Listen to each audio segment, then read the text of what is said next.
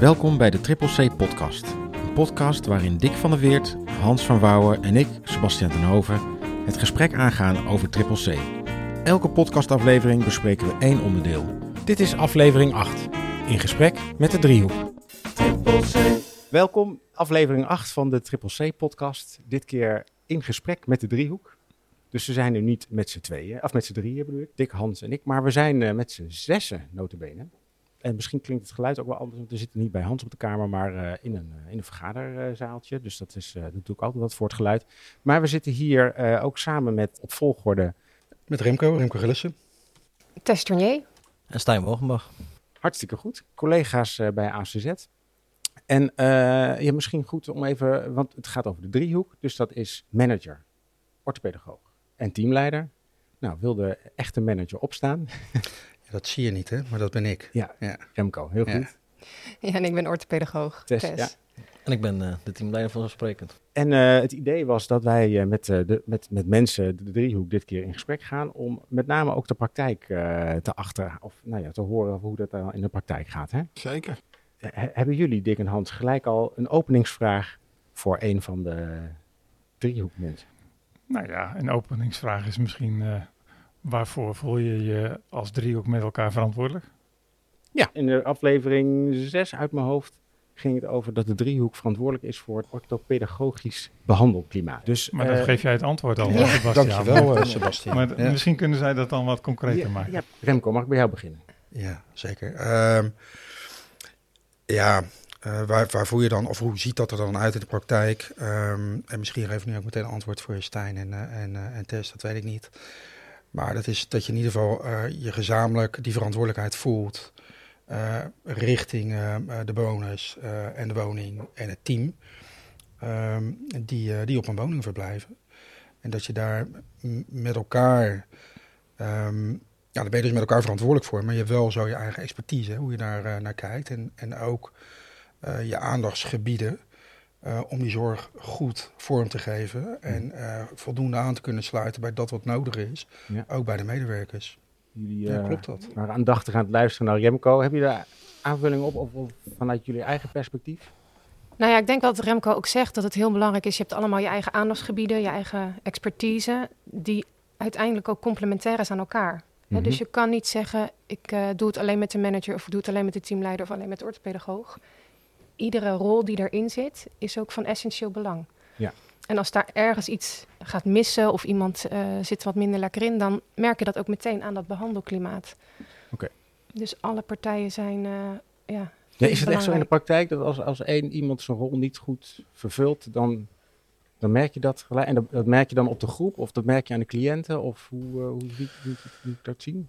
Nou, dat merk je uh, onderling, dus met elkaar. Als je wat minder snel bijvoorbeeld uh, dezelfde ideeën hebt of dezelfde betekenis geeft aan hoe je dat uh, wil vormgeven. Mm -hmm. Maar je merkt het ook op, op een woning. Hè? Als, je een, een, als, de, als de teamleider of de orthopedagoog of de manager um, wat minder nou, hoe zou ik dat nou netjes zeggen, wat minder in, goed in zijn vel zit of minder ja. competent is ja. of nog lerende is in, in ontwikkeling, nou ja, dan zie je dat wel terug. En het mooie is dus wel dat je elkaar dan weer aanvult. Dus dat je aansluit bij dat wat nodig is en dat je soms even iets meer naar voren stoopt mm -hmm. om, uh, om, om dan nou, de ruimte die er dan ligt, die eigenlijk ingevuld moet worden, dan op een goede manier weer in te vullen met elkaar. Ja, ja. Maar je merkt het wel, absoluut. Ja. ja, en uiteindelijk zal het altijd een nadelen zijn uh, voor de zorg van onze cliënten. En in wat voor manier dat dan ook uh, tot uiting komt, ja. dat, uh, dat is dan ja, maar een beetje de vraag. Ja. Jij merkt het dan ook op de want jij, jij zit dagdagelijks natuurlijk uh, dan op de groep. Ja, klopt. Waar merk jij het dan aan dat het niet lekker loopt? Of ja, dat is, moeilijk, dat is moeilijk te zeggen. Hè. Ik bedoel, het ligt eraan, hè, wat Remco zegt, zit de pedagoog wat minder in zijn vel. En dat heeft dan vaak te maken met de handvaten die bijvoorbeeld een pedagoog dan biedt uh, voor de zorg voor onze cliënten. Of is het de manager waarmee je soms botst en waar je soms denkt van, uh, dan heb je het vaak over een team, maar ja. ook, uh, ook alle randzaken daaromheen. Dus dat is, dat is moeilijk te zeggen vooraf. Ja. Maar ja. uh, dat kan hem op allerlei verschillende vlakken uh, raken, zeg maar. Ja, wat Remco zegt, het kan natuurlijk ook zijn dat je daarin elkaar een beetje kunt ondersteunen of iets op kunt vangen. Uh, en daar zit natuurlijk wel een grens aan. Kijk, als pedagoog ben ik geen manager. Ik heb ook niet de know-how van wat een manager zou moeten kunnen. Ik kan natuurlijk wel een beetje logisch nadenken en daar iets op aanvullen. Maar uiteindelijk um, zit daar ook een grens aan. Ja.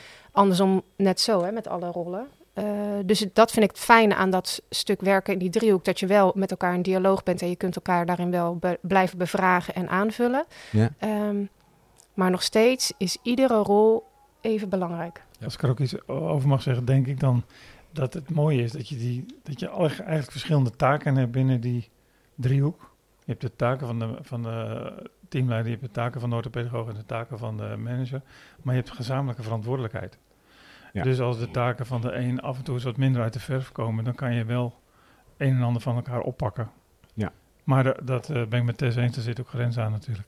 Ik, ik vind het nogal uh, ook een verantwoordelijkheid, het behandel, uh, orthopedagogisch behandelklimaat, om daar verantwoordelijk voor te zijn. En, en ik heb wel eens, dat hoor je ook wel zeggen, als je er samen verantwoordelijk voor bent, dan is niemand er verantwoordelijk voor. Vaak wordt ook wel gezegd, ja, er moet er gewoon één iemand, die moet aanwijsbaar verantwoordelijk zijn, want die kun je er dan op aanspreken. Hoe werkt het dan met z'n drieën? Um, volgens mij is het van groot belang dat je, dat je, als je daar naar kijkt, dat je allemaal die verantwoordelijkheid voelt. Ja. Um, en, en, en in dit geval gaat je verantwoordelijkheid over je orthopedagogisch behandelklimaat op zo'n woning. Ja. Uh, waarin je ja, eigenlijk bezig bent weer met, nou, met het hechten, uh, met, uh, met een betekenisvolle dag te geven. Ja. ik, voor mij is het belangrijk om, om de jongens die dat dagelijks doen en, en ehm, Stijn ook om die te ondersteunen en te faciliteren daar waar, waar nodig is. Ja. Um, en, en het is geen eens een vraag wie er verantwoordelijk is voor wat. Je bent gewoon met elkaar verantwoordelijk. Ja. En dat is denk ik anders weg te schrijven dan, uh, dan dat je een, een, een business start en je hebt, je hebt twee uh, mensen die daar verantwoordelijk voor zijn. Ja. En die dan op een gegeven moment niet meer goed, zo goed van elkaar weten. Hey, maar wat doe jij nou eigenlijk en, en, en hoe voelt dat? Ja, en je hebt natuurlijk die gezamenlijke verantwoordelijkheid. En daar binnen die gezamenlijke verantwoordelijkheid heb je ook als pedagoog, manager en teamleider ook weer je eigen taken en Ja. verantwoordelijkheden. Ja, ja, ja, ja. Ja, Ja, en als je merkt, hè, stel dat ik mijn ehm, behandeling niet op orde zou hebben. Ik heb geen idee eigenlijk welke richting ik op wil of wat deze cliënt nu nodig heeft. Ehm, nou, dat zou voor Stijn in dit geval heel vervelend zijn, want die heeft ook een bepaalde richting nodig om met zijn team hè, daarmee aan de slag te gaan in de Ja. praktijk.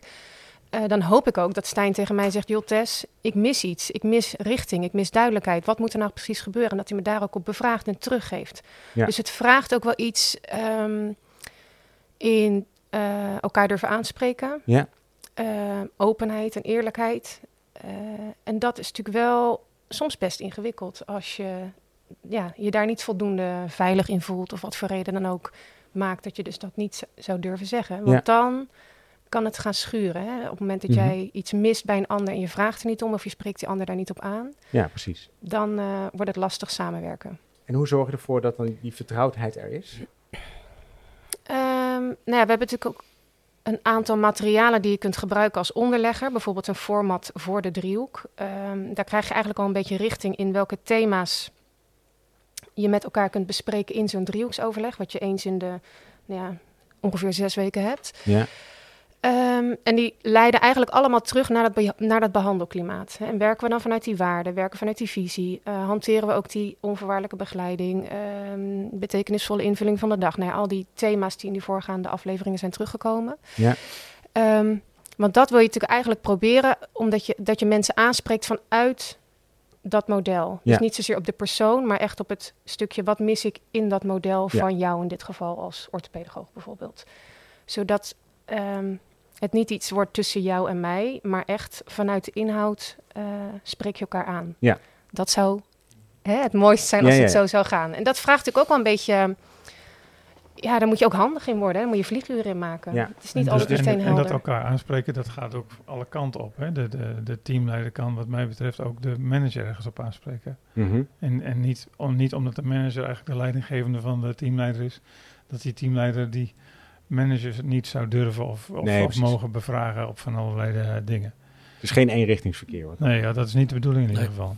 En, en hoe is het in de praktijk, Stijn? Want dan gaan we gelijk de proef op de som nemen. Nee, eh, ik heb, we hebben echt maandelijks hebben we natuurlijk een driehoekoverleg, zoals dat ook heet. Een werkoverleg. En ehm, nou ja, goed, ook als teamleider, weet je wel, groei je daar wel een beetje in. Hè? Als ik kijk naar hoe, hoe ik startte en nu. Ik denk dat, ik, dat we nu vaker bijvoorbeeld geen discussie hebben, maar wel een meningsverschil. Ja, Maar ik mag ook zeker dat meningsverschil ehm, dus ook laten blijken. En, en, en weet je wel, en daar hebben we het dan over. En soms, heel soms, ja, Wordt er wel eens meegegaan uh, met uh, wat ik dan...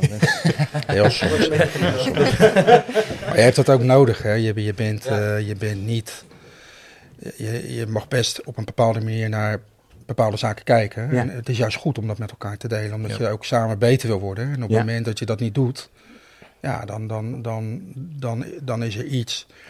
Dan ontneem je misschien ook iets aan, aan dat waarvan je ook zou kunnen weten, nou, als we nou goed met elkaar delen, dan, dan is dat misschien wel mooier en beter dan, dan dat we het niet doen. En dat zijn ook dingen die je, die je met elkaar afspreekt. Precies. Ik kan me voorstellen, ook dat de eerste keer dat je zo'n gesprek hebt, dat het dan wel een beetje onwennig is. als je de eerste dan keer... ben je groeien, ja. Ben je aan het groeien, maar op een gegeven moment dan, uh, dan, dan voel je de samenwerking aan. Ja. Ja. ja, en wat ik het leuke daar eigenlijk ook aan vind, sorry Remco, is dat die driehoek waar het heel vaak over gaat, en nu in de vorm van personen, maar ook die ABC-driehoek, die van die activiteit, die begeleider en die cliënt, die kun je natuurlijk op ons als professionals ook neerleggen. dus wij gaan ook een relatie opbouwen met elkaar, een werkrelatie, mhm. door samen met die inhoud, met die praktijk bezig te gaan.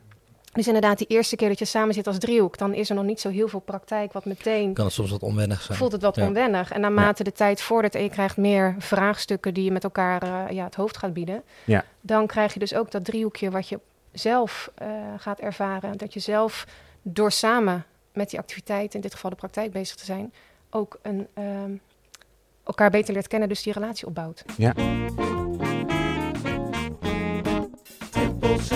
Ja, Tess, je had het over die APC-driehoek. En dan wil ik even inzoomen op die activiteit. Wat is dan jouw onderscheidende activiteit in deze driehoek als orthopedagoog? Nou ja, als ik kijk naar mijn rol die ik dan in de praktijk vervul, is dat ik vooral probeer goed helder te krijgen van wie is de cliënt en wat heeft hij nodig en welke menselijke behoeften dienen er nou echt aangevuld te worden. Mm -hmm.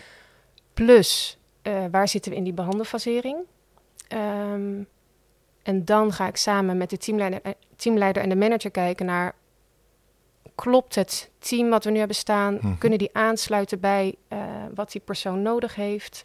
Um, wat heeft het team nodig van mij aan kennis rondom die cliënt? Hè? Wat moeten zij weten in die beeldvorming? Wat nodig is in die dagelijkse praktijk om iemand te kunnen begeleiden? Mm -hmm. um, en als ik dan kijk naar Remco, wat ik graag van hem nodig heb, is dat hij ook uh, meedenkt in hoe kunnen we dat team uh, ja, dusdanig ondersteunen. En ook de teamleider daarin, dat ze zich ook competent genoeg voelen om dat daadwerkelijk te kunnen doen. Hm. En Remco, hoe zie jij dan uh, dat verhaal van Tess? Nou, in je niet, eigen rol? Ja, niet, niet, niet anders dan, dan, dan, hoe Tess dat net schetst. Mm -hmm. um, en los van, uh, van uh, het faciliteren om, om bijvoorbeeld die begeleiders competent mm -hmm. te maken of, uh, um, of daar met Stijn daarin aan te sluiten en daarin mee te gaan. denk ik ook dat ik het belangrijk vind om, om met elkaar te kijken, oké, okay, als we nou keuzes maken in die behandeling, ehm, wat zijn daar dan de risico's in? Hm. En, en, zijn dat verantwoorde risico's? Uh, moet daar nog iets uh, uh, voor gestuurd worden of gedaan worden? Gaan we te snel? Ehm, ik vind het ook van belang dat we met elkaar een bepaalde over, over, overstijgend kunnen kijken en, en daar ehm, nou ja, kritische vragen over kunnen stellen voordat we, voordat we daar keuzes in maken. Um, en ik, maar dat merk ik bij Tess, maar ik vind dat van een orthopedagoog ook van belang dat je een soort signalerende functie hebt. Met oké, okay, uh, want ik ben ook niet altijd uh, op zo'n woning. Hoe wordt het mhm. hier nou georganiseerd? Klopt dat een beetje uh, bij, bij hoe we dat graag willen zien? En nou ja, hoe, hoe het gaat over bejegening. Mm. nou, wat zie ik daar nou in terug? dat vind ik dan ook nog wel. en als je het over een signalerende functie hebt, Vind je dan ook dat dat vanuit eigen waarneming moet gebeuren of vanuit afstand? Of is dat gesprek voldoende om die signalerende functie nee, als orthopedagoog te waarborgen? Lastig zijn. Hè? Je, je moet ja. dat van eigen, vanuit eigen waarneming doen. Oké. Okay. En hoe zie jij dat, Stijn, als ik uh, vragen mag? Um, nou, los van wat er is gezegd, um, als, als, als meewerkend teamleider werk ik natuurlijk mee op de groep. Hoe belangrijk vind jij dat trouwens? Nou, dat vind ik heel belangrijk, want we hebben bijvoorbeeld over die signalering. Ja. Als ik zelf niet op de groep zou meewerken, zou hm. ik ook niet precies weten wat er bij mijn begeleiders speelt en wat er bij de cliënten speelt. Dus qua signalering is dat denk ik het meest belangrijkste wat er is. Want uiteindelijk ben ik wel op die werkvloer ook aan het werk. En vervolgens breng ik verschillende casussen mee terug naar die driehoek. En op basis, dan, dan geven we eigenlijk dus die zorg vorm voor onze cliënten. Mm -hmm. En geven we ook de begeleiders de juiste handvaten om die begeleiding ehm, uiteindelijk te kunnen doen. Ja. Want stel, er zijn mensen uit andere organisaties die nu luisteren. Die zeggen, meewerkend teamleider, meewerkend, ja, dat is mooi, mooi, mooi, mooi. Maar als jij nou een andere organisatie een tip mocht geven... als ze een meewerkend teamleider vanuit een manager, orthopedagoog uh, zouden willen ondersteunen. Wat zou jij dan voor tips geven aan zo'n andere organisatie... Uh, qua ondersteuning vanuit een orthopedagoog en een manager? Ik denk dat het sowieso belangrijk is, net zoals dat andere startende teamleiders bij ons beginnen, dat ze toch, uh, toch worden, ook worden gecoacht. Mm -hmm. um, en ik denk dat het vooral belangrijk is als je begint als meewerker teamleider, dat je dus echt ook op die groep gaat meewerken. Hè, vanzelfsprekend. Mm -hmm. um, maar ik denk dat toch wel een vorm van coaching het belangrijkste is. Van hoe doe je dat nou? Want dat, zo ben ik ook in het teamleidersvak gerold. Ja, dus je moet Door handvaten uitgereikt te krijgen. Van... steunen op die pedagoog ja. en die managers, zeg ja. maar. Ja, ja. Ja, dat hebben we misschien nu nog niet zo expliciet uh, benoemd. Maar wat jij net ook al zei, we hebben driehoeken, maar je hebt ook nog werkoverleggen met je manager. Ja. Um, en die coachende rol van een manager naar een teamleider, van hoe doe je dat nou? Hè? Dat hele teamleiderschap, dat leiderschap, hoe toon je leiderschap? Um, hoe neem je zo'n team mee? Uh, maar ook op de langere termijn zitten er mensen waarvan je denkt... oeh, er zit zoveel potentieel in. Die kunnen we nog hè, laten doorontwikkelen naar persoonlijk begeleider of ook teamleider. Ja, en zo gaat het in de praktijk ook vaak. Is dan heb je bijvoorbeeld echt een hele competente medewerker. Die geeft dan ambitie aan. En die gaat dan eigenlijk alweer met jou meekijken van hoe doe jij het werk. En uiteindelijk, uh, inderdaad, Remco speelt ook een, een belangrijke coachende mm -hmm. rol daarin. En eigenlijk rol je daar gewoon zo in. Wat denk jij nou wat het voor type leiderschap vraagt uh, voor jou als teamleider? Je denkt, ja, ja, zo'n type leider ben ik gewoon. Of zeg je, nou, hoe zit dat dan? Hè? Daar ben ik wel benieuwd naar. Want het is, uh, het is niet een makkie, hè, zo'n woning runnen. Nee, klopt. Nou. Ik vind dat je sterk in je schoen moet staan en tegelijkertijd ook dingen van je makkelijk af moet laten glijden. Want als ik de hele dag ga nadenken over wat, waar ik over allemaal verantwoordelijk voor ben, dan ga ik het mezelf heel lastig uh, maken. En los daarvan denk ik ook dat, je, um, dat het belangrijk is, is dat je ook medewerkers, dat je samen met je medewerkers de lasten draagt mm -hmm. en kan dragen. En dat je dus medewerkers het gevoel hebben dat je dus, dat je dus samen doet. En dat ze er niet alleen voor staan. Mm -hmm. En dat bijvoorbeeld als je, ik heb ook wel binnen organisaties gewerkt waar een locatiemanager rondloopt. En dan heeft een team het vrij zwaar soms. Mm -hmm. Maar die locatiemanager zit de hele dag lekker op het kantoor en die koffie te drinken. Ja. Koffie te drinken. Dus ik denk dat, ik denk dat dat vooral belangrijk is. Okay. In, je, in je functie als teamleider. En hoe kijk je, dus onderdeel zijn van, een, van een team. Onderdeel zijn echt van okay. een team. En, en het samen, samen, samen met, die, samen met die collega's ja. aan het werk naast hen staan, zeg maar. Ja. ja. Je zegt eigenlijk wat begeleiders met cliënten doen. Ja, precies. Dat, dat heet eigenlijk ook coaching. Ja, want je kan of vanuit een kantoor roepen, je gaat het zo doen. Ja. Of je zegt, we gaan het zo doen. Mm -hmm. En ik doe het voor. Mm -hmm. Ja, zeker. En je zegt je moet wel stevig in je schoenen staan. Uh, wat bedoel je daar precies mee? Nou, je, hebt, je hebt toch wel heel veel uh, taken en verantwoordelijkheden. En eigenlijk vanuit het teamleider wordt van alle kanten wordt er aangetrokken. Mm -hmm. um, ouders van cliënten, uh, een manager die wat van je verwacht, een pedagoog die wat van je verwacht, ja. een, een, een bewindvoerder. Ja. Um, dus eigenlijk ben je een soort van speel in het midden, ja. die voor van alles en nog wat verantwoordelijk is. Ja. De cliënten verwachten ook nog wat. Zeker, zeker, ja. Dus je staat elke dag in een heel dynamisch spanningsveld. Ja. En dat leiderschap, ik kijk naar Remco. Wat vind jij nou passend leiderschap bij dit model of wat jij hanteert? Nou, kijk, ik, uh, ik weet niet zo goed wat de huidige termen tegenwoordig zijn over leiderschap. Maar uh, ja.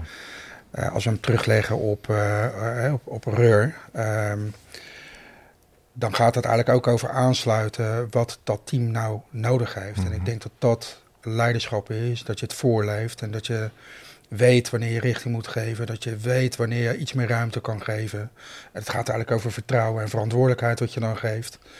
Uh, en dat je goed ziet uh, wat mensen nodig hebben. En, en je, kijk, ik doe het al een tijdje en je ziet ook wel mensen die continu richting blijven geven vanuit een bepaalde dominantie. Ja, dan zie je dus ook dat die teams vastlopen. Want ja, dat wil je niet. Hè. Je wil vanuit een bepaalde gelijkwaardigheid, mm -hmm.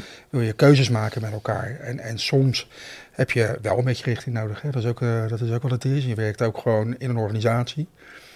Um, en wat ik heel belangrijk vind, is dat, we, dat, dat je daar goed zicht op hebt. En dat je weet uh, wat, je, wat je aan kan bieden om goed aan te sluiten in dat wat nodig is.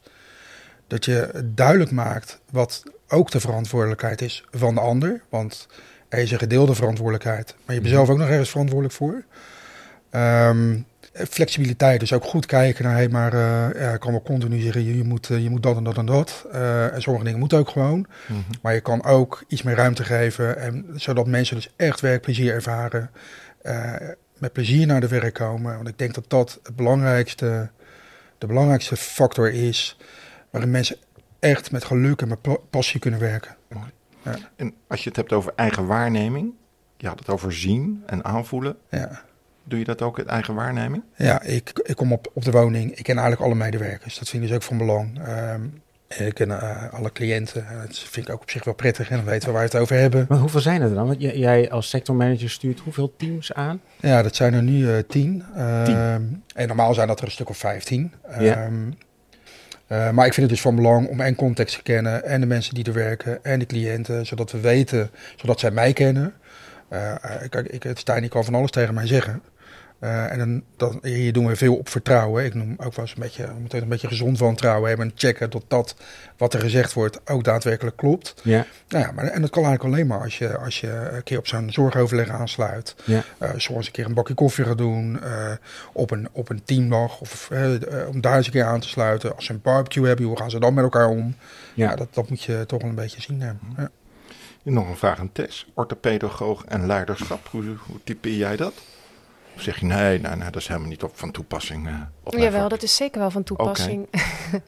Okay. um, ik denk dat je als orthopedagoog uh, heel scherp moet hebben, ja, wat ik natuurlijk net ook al zei, van wie is die cliënt en wat heeft hij nodig? En dat je daar dus soms ook wel um, ja, echt voor moet gaan staan. Hè? Op het moment dat die teamleider zegt van nee, dat is helemaal niet waar, of dat uh, zie ik echt anders, of de manager vindt het eigenlijk allemaal wel meevallen, even heel gechargeerd. Um, dan denk ik dat het ook wel heel belangrijk is dat je goed vanuit die inhoud ja, weet wat er nodig is en daar ook uh, voor wilt gaan. En dan ook uh, met hopelijk uh, steekhoudende argumenten die anderen weet mee te nemen in dat, ja, in dat belang van die cliënt. En stel jij bent, niet, niet stel, je bent orthopedagoog en stel je komt op de woning binnen. Mm -hmm. Waar zie jij nou aan wat een passend orthopedagogisch behandelklimaat is? Wat wil je dan zien? In zijn algemeenheid een, een huiselijke sfeer, een warme sfeer, waar je graag thuis zou willen komen. Uh, en afhankelijk van het niveau kan het natuurlijk best zijn dat het, uh, ja, de aankleding uh, wisselt. Mhm. Hè, de, dat het aansluit bij die doelgroep. Um, dat het ook eigen is, dat je ook ziet wie wonen hier. Hè, dus dat het niet een soort Mhm. ja, standaard format is bijna wat je overal zou kunnen neerzetten, maar dat het echt iets is van die cliënten zelf.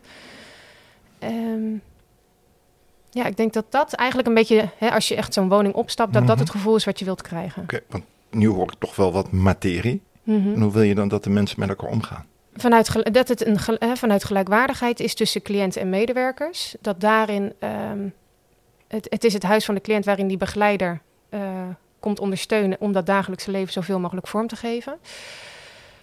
Tussen begeleiders verwacht ik toch ook wel weer, hè, want dat is ook het, dat is een beetje soms de valkuil van die hele huiselijke sfeer, dat het soms zo huiselijk wordt dat je eigenlijk bijna vergeet dat je aan het werk bent. Ehm, ja, en dat is toch wel een thema. eh, Ik zie jou dat die. Dat, eh, Moet je voor waken. ja, daar moet je voor waken. Hè, dat het, ehm, het is heel prettig als de sfeer gemoedelijk is. Maar ik denk dat het wel belangrijk blijft dat begeleiders ook een bepaalde scherpte houden in eh, nou ja, professionaliteit. Maar ook wel elkaar durven blijven aanspreken of bevragen. Ehm, ja, ook wel eens de dialoog over aangaan over waarom deed je het zo, hadden we het niet beter zo kunnen doen. Hè? Dus dat daarin een Mhm. bepaalde openheid is om eh, nou ja, uiteindelijk dat behandelklimaat, want dat is natuurlijk eh, ja, zo optimaal mogelijk te ik. houden. En hoe doe je dat nou, Stijn? Wel gezellig, maar niet... ja. Ja, wat, wat Tess zei, het is heel belangrijk om je bewust te zijn, bewust en te blijven dat je dus een professional bent. Oké. Ehm, en, en onderling werk je gewoon heel nauw samen. Vooral op de wat intensievere groepen. Ehm, bij ons op de, op de woning heb je dus Mhm. twee begeleiders. En je werkt dus vier, ja, bijna 24 uur met, ze, met twee begeleiders op vier cliënten. ja. Nou ja, dat, en, en je ziet elkaar gewoon veel. Ehm, Mhm. En je, je, je bouwt ook op elkaar. Dus je moet er ook voor waken dat het niet te vriendschappelijk wordt en dat je dus ook professioneel blijft. En ook zeker richting onze cliënten. Ja. En, en hoe deal jij dan mee? Want uh, je werkt intensief samen. Het kan zijn dat je denkt, dit is echt een klik. En hoe hou je dan toch die dialoog open dat er feedback aan elkaar gegeven wordt? Ja, bijvoorbeeld, bijvoorbeeld vaste momenten inplannen mhm. om met elkaar te gaan zitten en zo'n dienst te evalueren. Mhm. Hoe is het gegaan? Mhm. En als teamleider pak je daar vooral je rol in en ben je daar ook een voorbeeld in.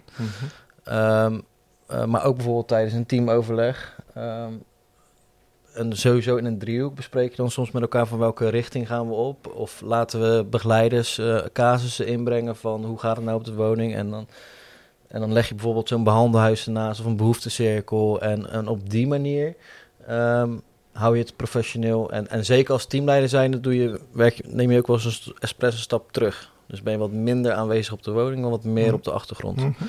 Zo bewaak ik zelf die, die, eh, die professionaliteit. en, uh, Misschien is het een mooi bruggetje naar een van onze rubrieken, namelijk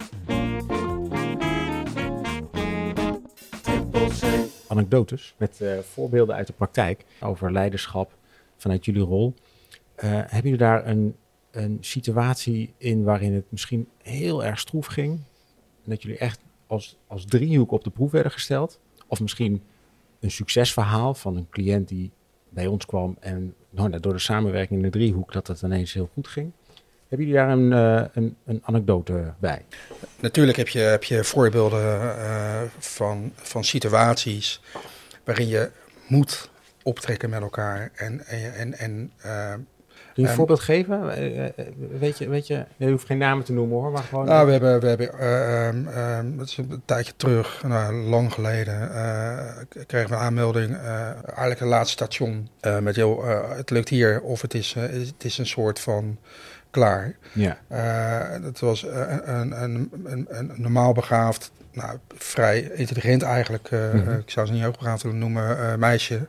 Uh, maar die emotioneel natuurlijk wel vrij laag, uh, laag zat. Ja. Um, en, en, en we, we, werkten in een team um, die vooral LVB'ers had. Uh, een beetje jongens van een jaar of 20, 21, grote ja. mond, een beetje stoer. LVB'ers die verstand beperkt. Een naar, naar, naar criminaliteit. Ja, ja. Dus als je dan een hele andere casus binnenkrijgt die echt heel schrijnend is en waar ook heel veel risico aan vast zit, ja. zou je eerst met elkaar moeten investeren in dat team. Daar begint het al. Mm -hmm. Uh, nou ja, dus dat hebben, we, uh, dat hebben we gefaciliteerd, georganiseerd. Goed van tevoren met elkaar gesproken. Joh, wat doe je nou wel, wat doen we nou niet? Waar zitten de risico's? Als we hier hebben over direct nabijheid, ja, dan ben je dus ook direct nabij, hè, want dat is ook zo'n vaag begrip. Ja. Um, uh, dus daar maak je dan duidelijke afspraken over. Dus je, hebt de, je hebt de waarde nog een keer besproken. Je hebt de norm eigenlijk weer even ge gesteld ja, in het team. Je, hebt, je hebt gefaciliteerd in ja. wat er tekort kwam in dat team. Ja. Nou ja, en dan, uh, er was trouwens ook sprake van, van een, uh, een suïcide. Ja. D dan komt diegene, en dan begint het eigenlijk pas, want dan ga je kijken, oké, okay, heb dat wat ik en wat hebben dat we met elkaar hebben gedaan, dus als teamleider, uh, orthopedagoog en manager ja. en team, want je bent een systeem met elkaar, hebben ja. we nou voldoende input geleverd en gestuurd en gefaciliteerd. Ja. Nou ja, en dan, dan, dan heb je nauw contact met elkaar. En, en nauw betekent echt wel uh, nou, dagelijks. dagelijks. Soms wel meerdere keer op een dag. Ja. Um, je, je zorgoverleggen, je frequentie van één keer per maand... ga bijvoorbeeld naar één keer in de twee weken of één keer per week. Omdat je ja. toch met elkaar op, op, op koers wil blijven. Continu moet afstemmen. Ja, ja. En, en, en, uh, ja, en dan zie je op een gegeven moment progressie. Ook bij zo'n bewoner. Want die, ja, in het begin gaat hij natuurlijk in het verweer. Want die denkt, ja, wat gaan jullie nou doen? Met je mooie betekenisvolle invulling. Maar uh, ik heb daar niet heel veel zin in hoor. Ja, dus ja. je gaat, je gaat elkaar, je gaat met elkaar ga je zo'n dag invullen. Uh, je, je, intensief met, met ouders erbij. Ja. ja. en dan even om een heel lang verhaal, of anders een heel lang verhaal te krijgen. Op een gegeven moment, na twee jaar, ja. um, is, is deze dame, uh, werkt hier binnen de organisatie op een Ja. afdeling uh, en woont inmiddels thuis. Oké. Dus dat zijn wel echt successen die je als en als organisatie maar al, uh, boekt, maar alleen maar kan boeken als je intensief afstemt en Ja. aansluit bij elkaar, maar, en, maar ook bij het team uiteraard, Ja. bij wat zo'n bewoner nodig heeft. En anders kijken, ja, dus niet eh, eh, ja, medicaliseren of problematiseren, maar juist kijken, hé, maar wat kan er dan wel? Ja, ja, ja. En, en wat jij nou allemaal zegt, wat je eigenlijk niet kan, klopt het eigenlijk wel? Of moeten we die context mee aanpassen waardoor het wel kan? En je weer vertrouwen en zelfvertrouwen krijgt. Ja. Ja, dus dat zijn wel uh, en dat is de gelukt successen. bij Ja. deze... Ik weet niet of het echt een anekdote is, maar het, meer een verhaal. Hè? Ja, ja. Maar ik vind het wel een mooi verhaal, omdat je, we hadden het net over die driehoek, hè, die dan één keer in de vier weken of één keer in de zes weken bij elkaar komt. Maar je ziet, dat zijn de formele afspraken. Ja. Maar die verbinding eh, tussen teamleider, manager en orthopedagoog, die is er dagelijks als het goed is. Je hoeft niet elke dag met elkaar in contact te zijn, maar met dit voorbeeld zie je dat je dus veel nauwer met elkaar optrekt dan wanneer alles... eh, Dat is echt situatieafhankelijk inderdaad. Ja, Ja, precies. maar je weet elkaar als het goed is altijd tussendoor te vinden. En je wacht niet tot er over vier weken weer een afspraak met elkaar is. Nou, het, wat grappiger, nou, het is eigenlijk helemaal niet grappig, maar in, in, in, deze, in, in dit soort complexe situaties merk je ook dat je ook als, als, eh, als teamleider, of als manager of als orthopedagoog soms ook een beetje afwijkt van, van hoe we de dingen graag willen zien. Om, omdat het complex is, eh, het is allemaal even wat minder, wat minder vanzelfsprekend. Dus soms Mhm. maak je keuzes waarvan je dan achteraf, eh, nou niet, dan, dan heb, als je een goede driehoek hebt, die stelt je dan een kritische vraag. Zeg, hoor jij dat nou zeggen? Maar past het eigenlijk wel bij deze waarden? Ja. Nou ja, en dan kom je dus met elkaar weer terug op koers. Eh, maar- dat zijn wel, daar heb je een goede driehoek voor nodig. Om, om ook in dit soort situaties eh, scherp te blijven en op koers te blijven. Ja. En daar elkaar dus ook eh, richting in te geven. Laten we Ja. dat dan maar zo noemen. Ja. Nou, mooi. Ja. Ja, want dat, als we het dan toch over dit drietal hebben. De basis van deze driehoek wordt gevormd door orthopedagoog manager. Dat Mhm. zie ik altijd als het membraan van de behandelvisie. Dus membraan van de behandelvisie. Ja, ja, dat moet je maar zo zien. De basis. Daaronder zit nog een driehoek, eigenlijk. Ja. Met een hoofdbehandeling of een coachbehandelsystemen. En hoe visiegetrouw kunnen die manager en die orthopedagoog het behandelklimaat mede vormgeven en die teamleider ondersteunen. Dus Ja. wat Remco zegt, dat waardegedrevene, ja, dat is onze bril. En dan moet je voortdurend afstemmen. Ja. Want eh, zeker in zo'n casus ligt natuurlijk de menswaarde enorm onder een vergrootglas, maar die gaan ook schuren. Ja. Dus als je daar afstand van gaat doen, denk ik dat deze casus heel anders was afgelopen. Ja. Ja, Ja. en als we, het- als we het hebben over cliënten met een ernstiger eh, verstandelijke beperking, dan, dan kan dat niet weken duren, maar het kan maanden, soms jaren Soms duren. jaren duren. Mm. Ja. En we hebben het steeds over opbouw van het gevoel van betrouwbaarheid dat die cliënt dan heeft. En het vertrouwen krijgen in omgeving en in anderen. Eh, en langzamerhand zelfvertrouwen ontwikkelen. Maar dat kan soms, als je een ernstig verstandelijk beperkt iemand bent, Ja. een, eh, een paar jaar duren. Ja. Maar zolang je het maar met elkaar hebt over zitten, zijn we de goede stapjes aan het zetten. En eh, het dan zijn kleine stapjes zijn, eh, zijn ook successen. Ja. Ja. Ja. En dan zie je bij soms bij mensen met een lichtere verstandelijke beperking dat dat, dat wat sneller gaat natuurlijk. Precies. Maar het is altijd funest om te zeggen van we moeten binnen zoveel weken of binnen zoveel maanden moeten we dat en dat hebben bereikt. Nee. Want dan moet die cliënt iets. Ja. Terwijl, eh, terwijl wij eigenlijk meer kijken naar wat, wat hebben we deze cliënt nou te bieden aan begeleiding. Mhm. Dan, eh, dan wat, eh, wat voor resultaat moet er per se eh, uitkomen. Precies. Ja. Dan komen we eigenlijk weer op voorgaande uitzendingen Ja. over, die, eh, over die denkwijzes. We zitten natuurlijk eh, gegoten in smart doelen. Oh, wacht even. Dat is misschien een leuke voor de Ja. rubriek eh, opvatting en Ja, misvatting. dat dacht ik, ja, ja. zeker. Nou, dan doen we die rubriek nu.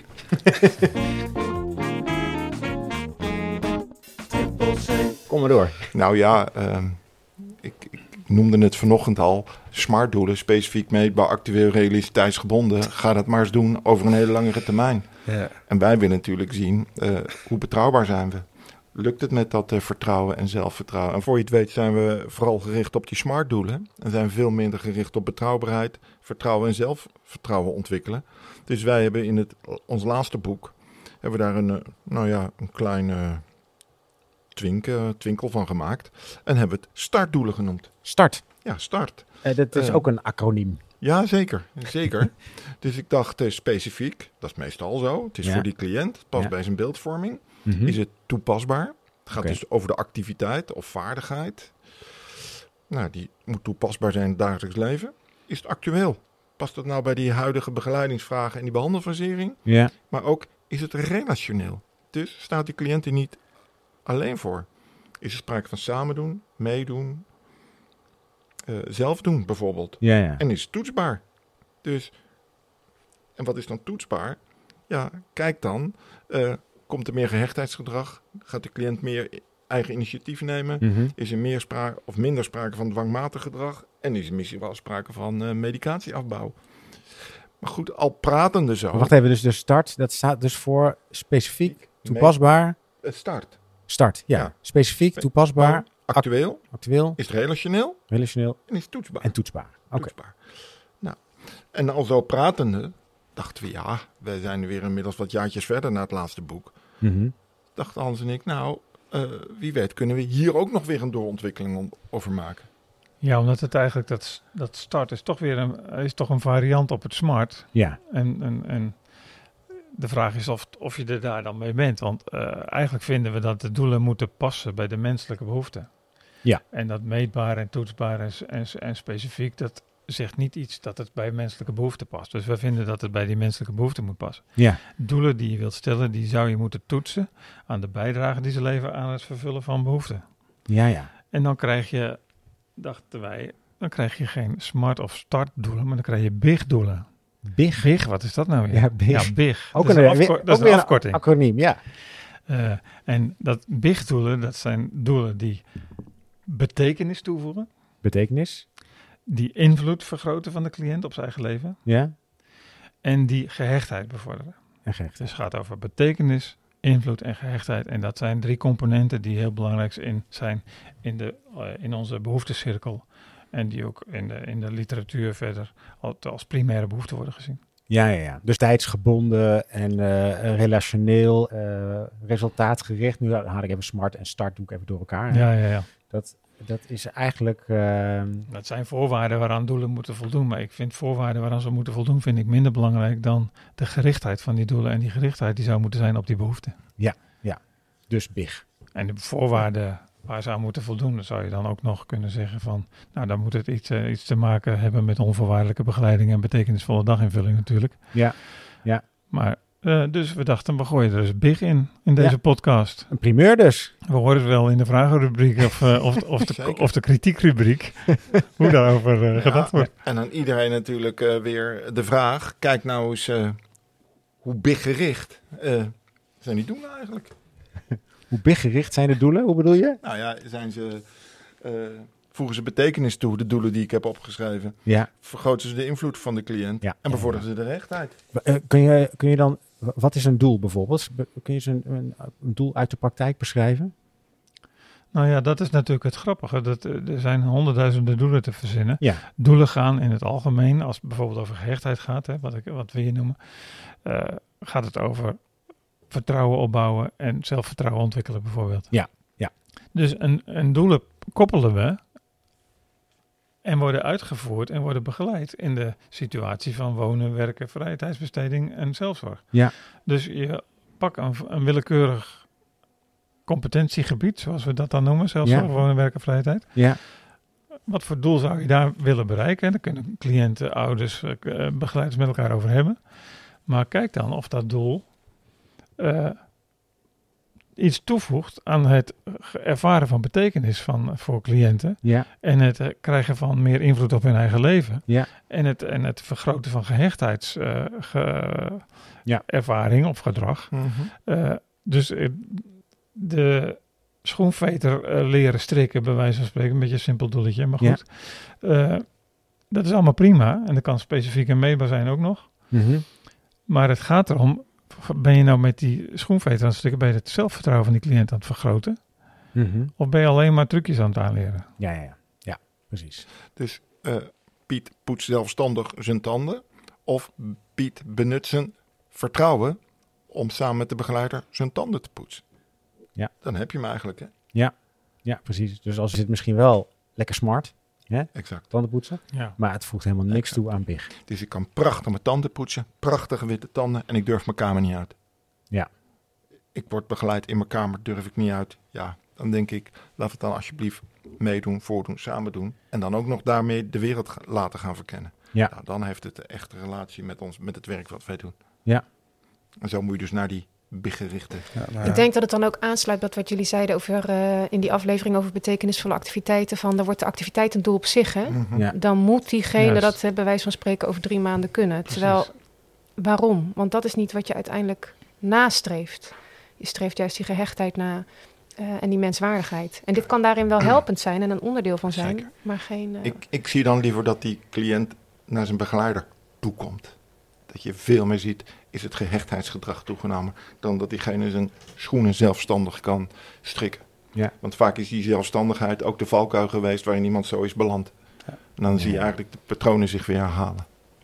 Nou, ik, ik- wat ik, ik- dit gaat dan over, eh, over, eh, over de bewoners en over. En het is mooi dat je dat zo eh, benoemt.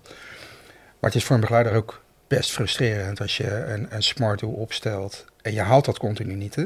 Ja, Denk je, wat ben ik hier nou eigenlijk aan het doen? Uh, zijn de dingen die ik hier doe, eh, past dat dan wel? ja. Dus, eh, ja, voor mij, als ik dat dan zo hoor, eh, Ja, dan blijkt het het ook nog aan die kant, smart doelen niet zo smart zijn. zeg. Nee, precies. Dan ben je dus altijd met de goede dingen bezig.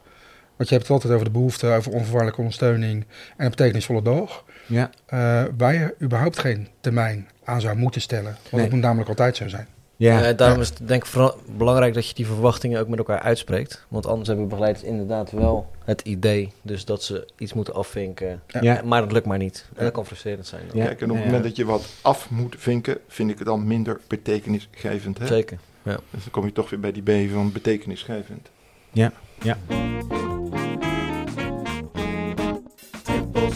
We hebben nog een rubriek.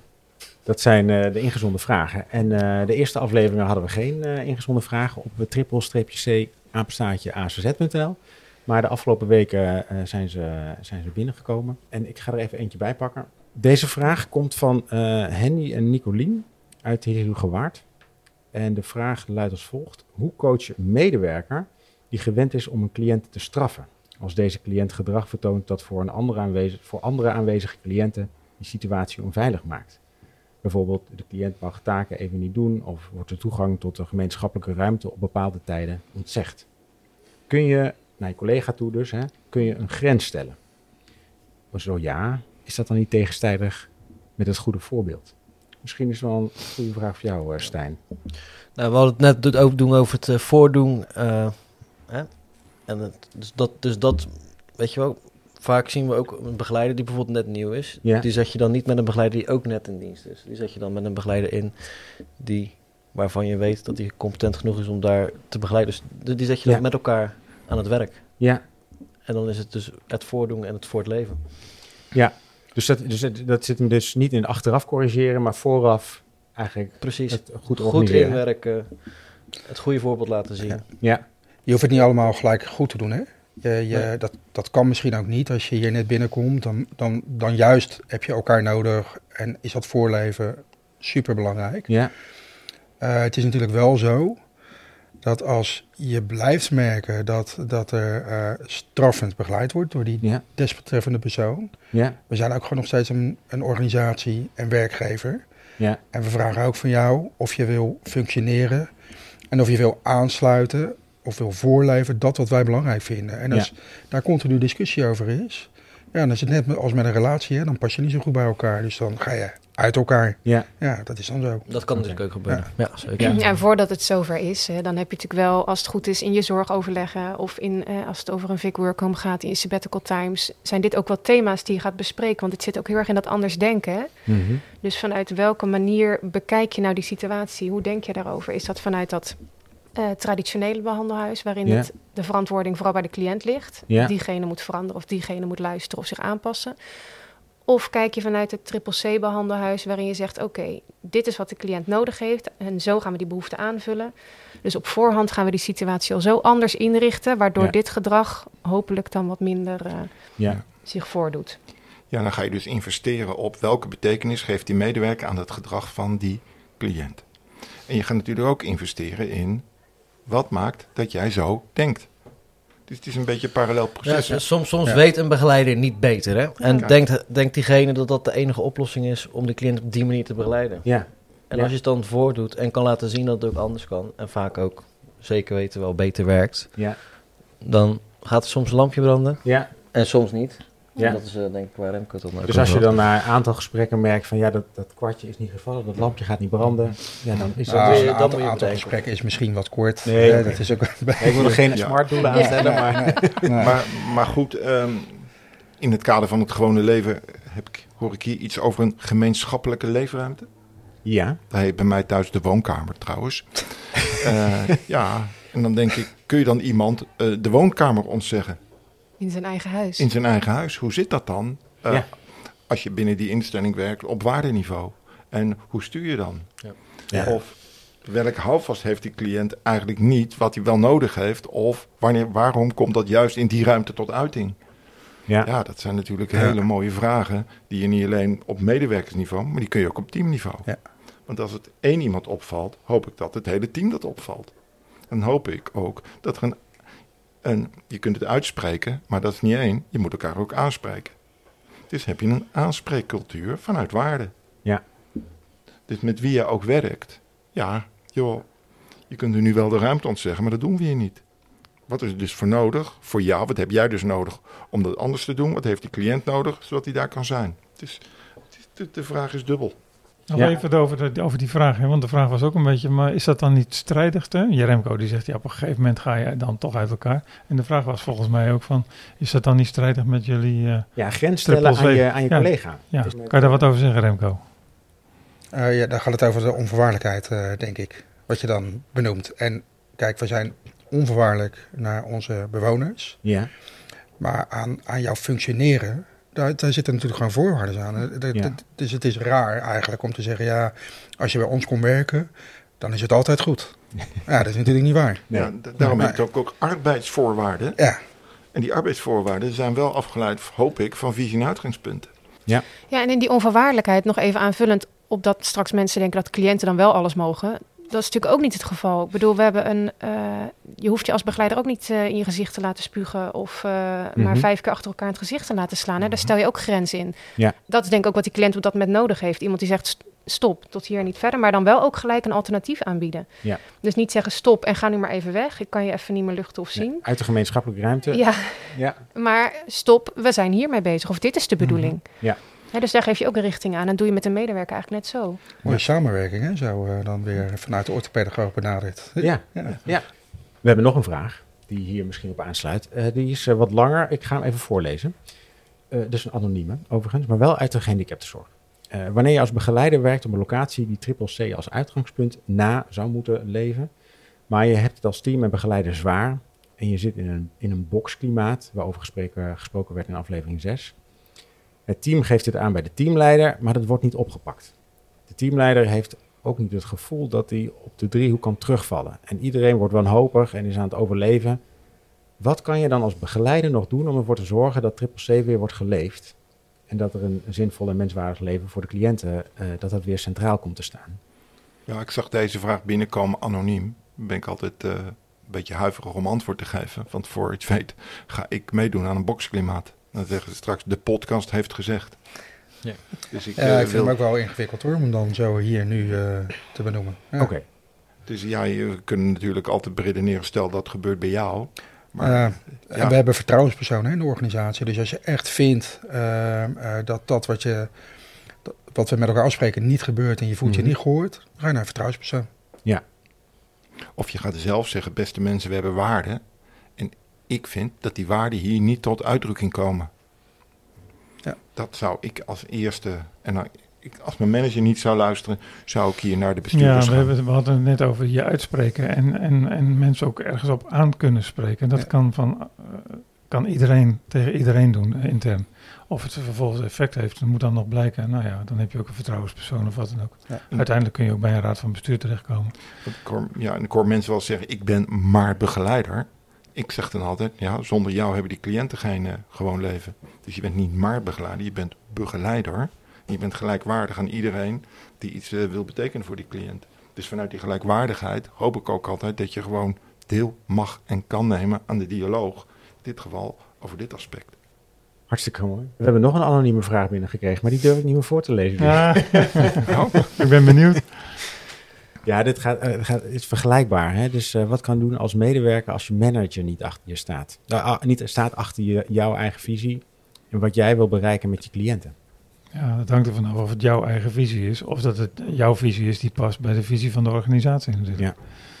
Het gaat om die, uiteindelijk om die, uh, die visie van de organisatie. In, de, in ons geval, we hebben het over Triple C, over de visie van Triple C en de, en de uitgangspunten van Triple C. Ja. Als jouw visie daar volledig bij past en je, hebt, je botst dan toch met de manager. Nou, dan komen we weer op het punt dat je elkaar misschien moet bevragen en aanspreken. Ja. En als jouw visie, jouw persoonlijke visie is, omdat je het thuis op een bepaalde manier doet, ja, dan zul je zelf op moeten schuiven, denk ik. En ik, ik er ontbreekt, die driehoek ontbreekt dan een beetje, want ik hoor alleen manager. Maar Ja. ik hoor de orthopedagoog Ja. niet in het verhaal. Ik Nee. hoor geen teamleider in het verhaal. Nee. Kijk, dit, dit werkt alleen, het model werkt alleen in zijn collectiviteit. Ja. Wij noemen dat collectief verlangen of collectieve ambitie, zoals uh, met je weg een man dat noemt, of gedeelde waarden. Dit kan alleen vanuit gedeelde waarden. Ja. Ja. Ja. Oké. Eh, tot zover de vragen dan. Ehm, we zijn ook al een tijdje op streek. Ehm, voordat we afronden, zijn er nog andere vragen die jullie, eh Dick en Hans, hebben aan de driehoek? Of zijn er nog punten eh, die jullie Per se kwijt willen. per se kwijt willen? Ja. Ik niet. Nee, ik ook. Misschien nog iets richting ouders? Of, eh, Oh ja. Wat is jullie eh, eh, rol, verantwoordelijkheid, positie ten opzichte van de ouders als driehoek? Ja. De ouders van de cliënten? Ehm, in een team hebben eh persoonlijk begeleiders zijn het eerste aanspreekpunt voor ouders. Ehm, vervolgens ben ik dat. En ik kijk natuurlijk ook altijd mee, maar ik zit ook tijdens IP-gesprekken, heb je ook, zie je ook vaak ouders. En is aanspreekpunt ook samenwerking zoeken met ouders? Zeker, Oké, zeker. kijk. Ja, Ja, weet je, je kan niet zonder ouders, hè, als ze in beeld zijn. Ja, Laten we dat even voorop stellen. ja. ja, precies. Eh, en als het bijdraagt, want eh, eh, ja, dat klinkt een beetje lullig, maar soms schuurt het ook enorm. Of, of nou ja, de- kijk je net even anders naar, eh, naar situaties, dan zoek je elkaar voorop, want je moet het altijd weer met elkaar doen. Ja. Ehm, maar je kan, je kan dus ook niet zonder. En wat ik heel fijn vind, is dat we ook wel ehm, de ouders vragen met, joh, vertel nou eens even over je dochter of je zoon. Hoe zat dat nou vroeger? Hoe is dat? Weet je, want het, eh, daar zit zoveel kennis. Ja. Mhm. Nou, dat ligt dan wel vaak eh, bij, bij de teamleider die dat dan uitnodigt. Een idee vanuit een orthopedagoog of iets wat binnen een driehoek dan weer terugkomt. Ja. Eh, Maar ook dat is een driehoek eigenlijk. Ja. Ja. Cliënt, Ja. ouders en Een team. ja, Ja. team, Organisatie. zorgaanbieders, eh, hoe je het ook wil noemen. Ja, Ja, Het is goed dat jullie dat ook zo noemen, dat het zo logisch is. Want wij krijgen eens door, ja, waar blijven dan ouders in het verhaal? Ja, die zijn onmisbaar. Ja. En ik denk altijd, alles wat logisch is, moeten we dat dan gaan benadrukken. Ja, Adem in. Adem uit. Ja, dat klopt. Ja, en het is natuurlijk ook vaak een constante factor. Hè? Als de relaties wel eh, positief zijn en eh, prettig, eh, dan zijn ouders natuurlijk wel degene die ook gewoon die hele geschiedenis van die persoon kennen. Mhm. Ehm, en dan is het inderdaad, wat Stijn zegt, soms ook heel prettig om iemand uit te nodigen, ouders in een zorgoverleg bijvoorbeeld. Mhm. Om ook eens een beetje te schetsen hoe is dat leven nou verlopen. Hè? Ja. En als de cliënt daarin zelf ook een aandeel kan doen, natuurlijk ook heel mooi. Ja. Ehm, zodat je ook iemand wat beter leert begrijpen. ehm, ja, wat diegene al heeft meegemaakt. Wat werkt wel, wat werkt Mhm. niet. Ja. eh, waar liggen interesses. Ehm, maar ook hoe kun je dat contact onderhouden. Ik denk dat het vanuit de professional ook goed is dat je je daar bewust van bent. Om daar oog voor te hebben. zeker.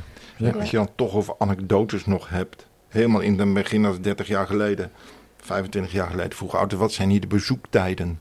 Ja. Ik zei, bezoektijden? Nou, we werken tot half vier en daarna je hartstikke welkom. Ja, ja, ja. Ja. Op- tot half vier zijn ze op, op het werk. Op het dan, werk. En daarna ben je zijn ze welkom. thuis. Ja, en Net als dan- ieder ander eigenlijk.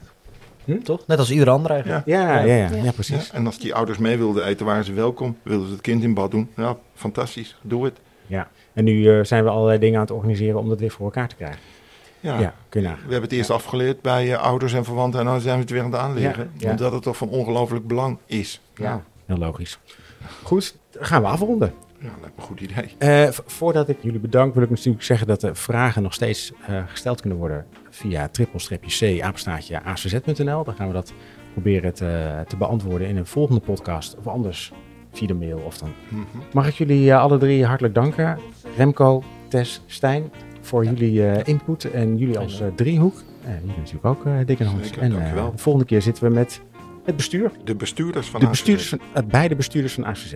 Zeker. Nou, kijk er naar uit. Ja, wij ook. Zo is het.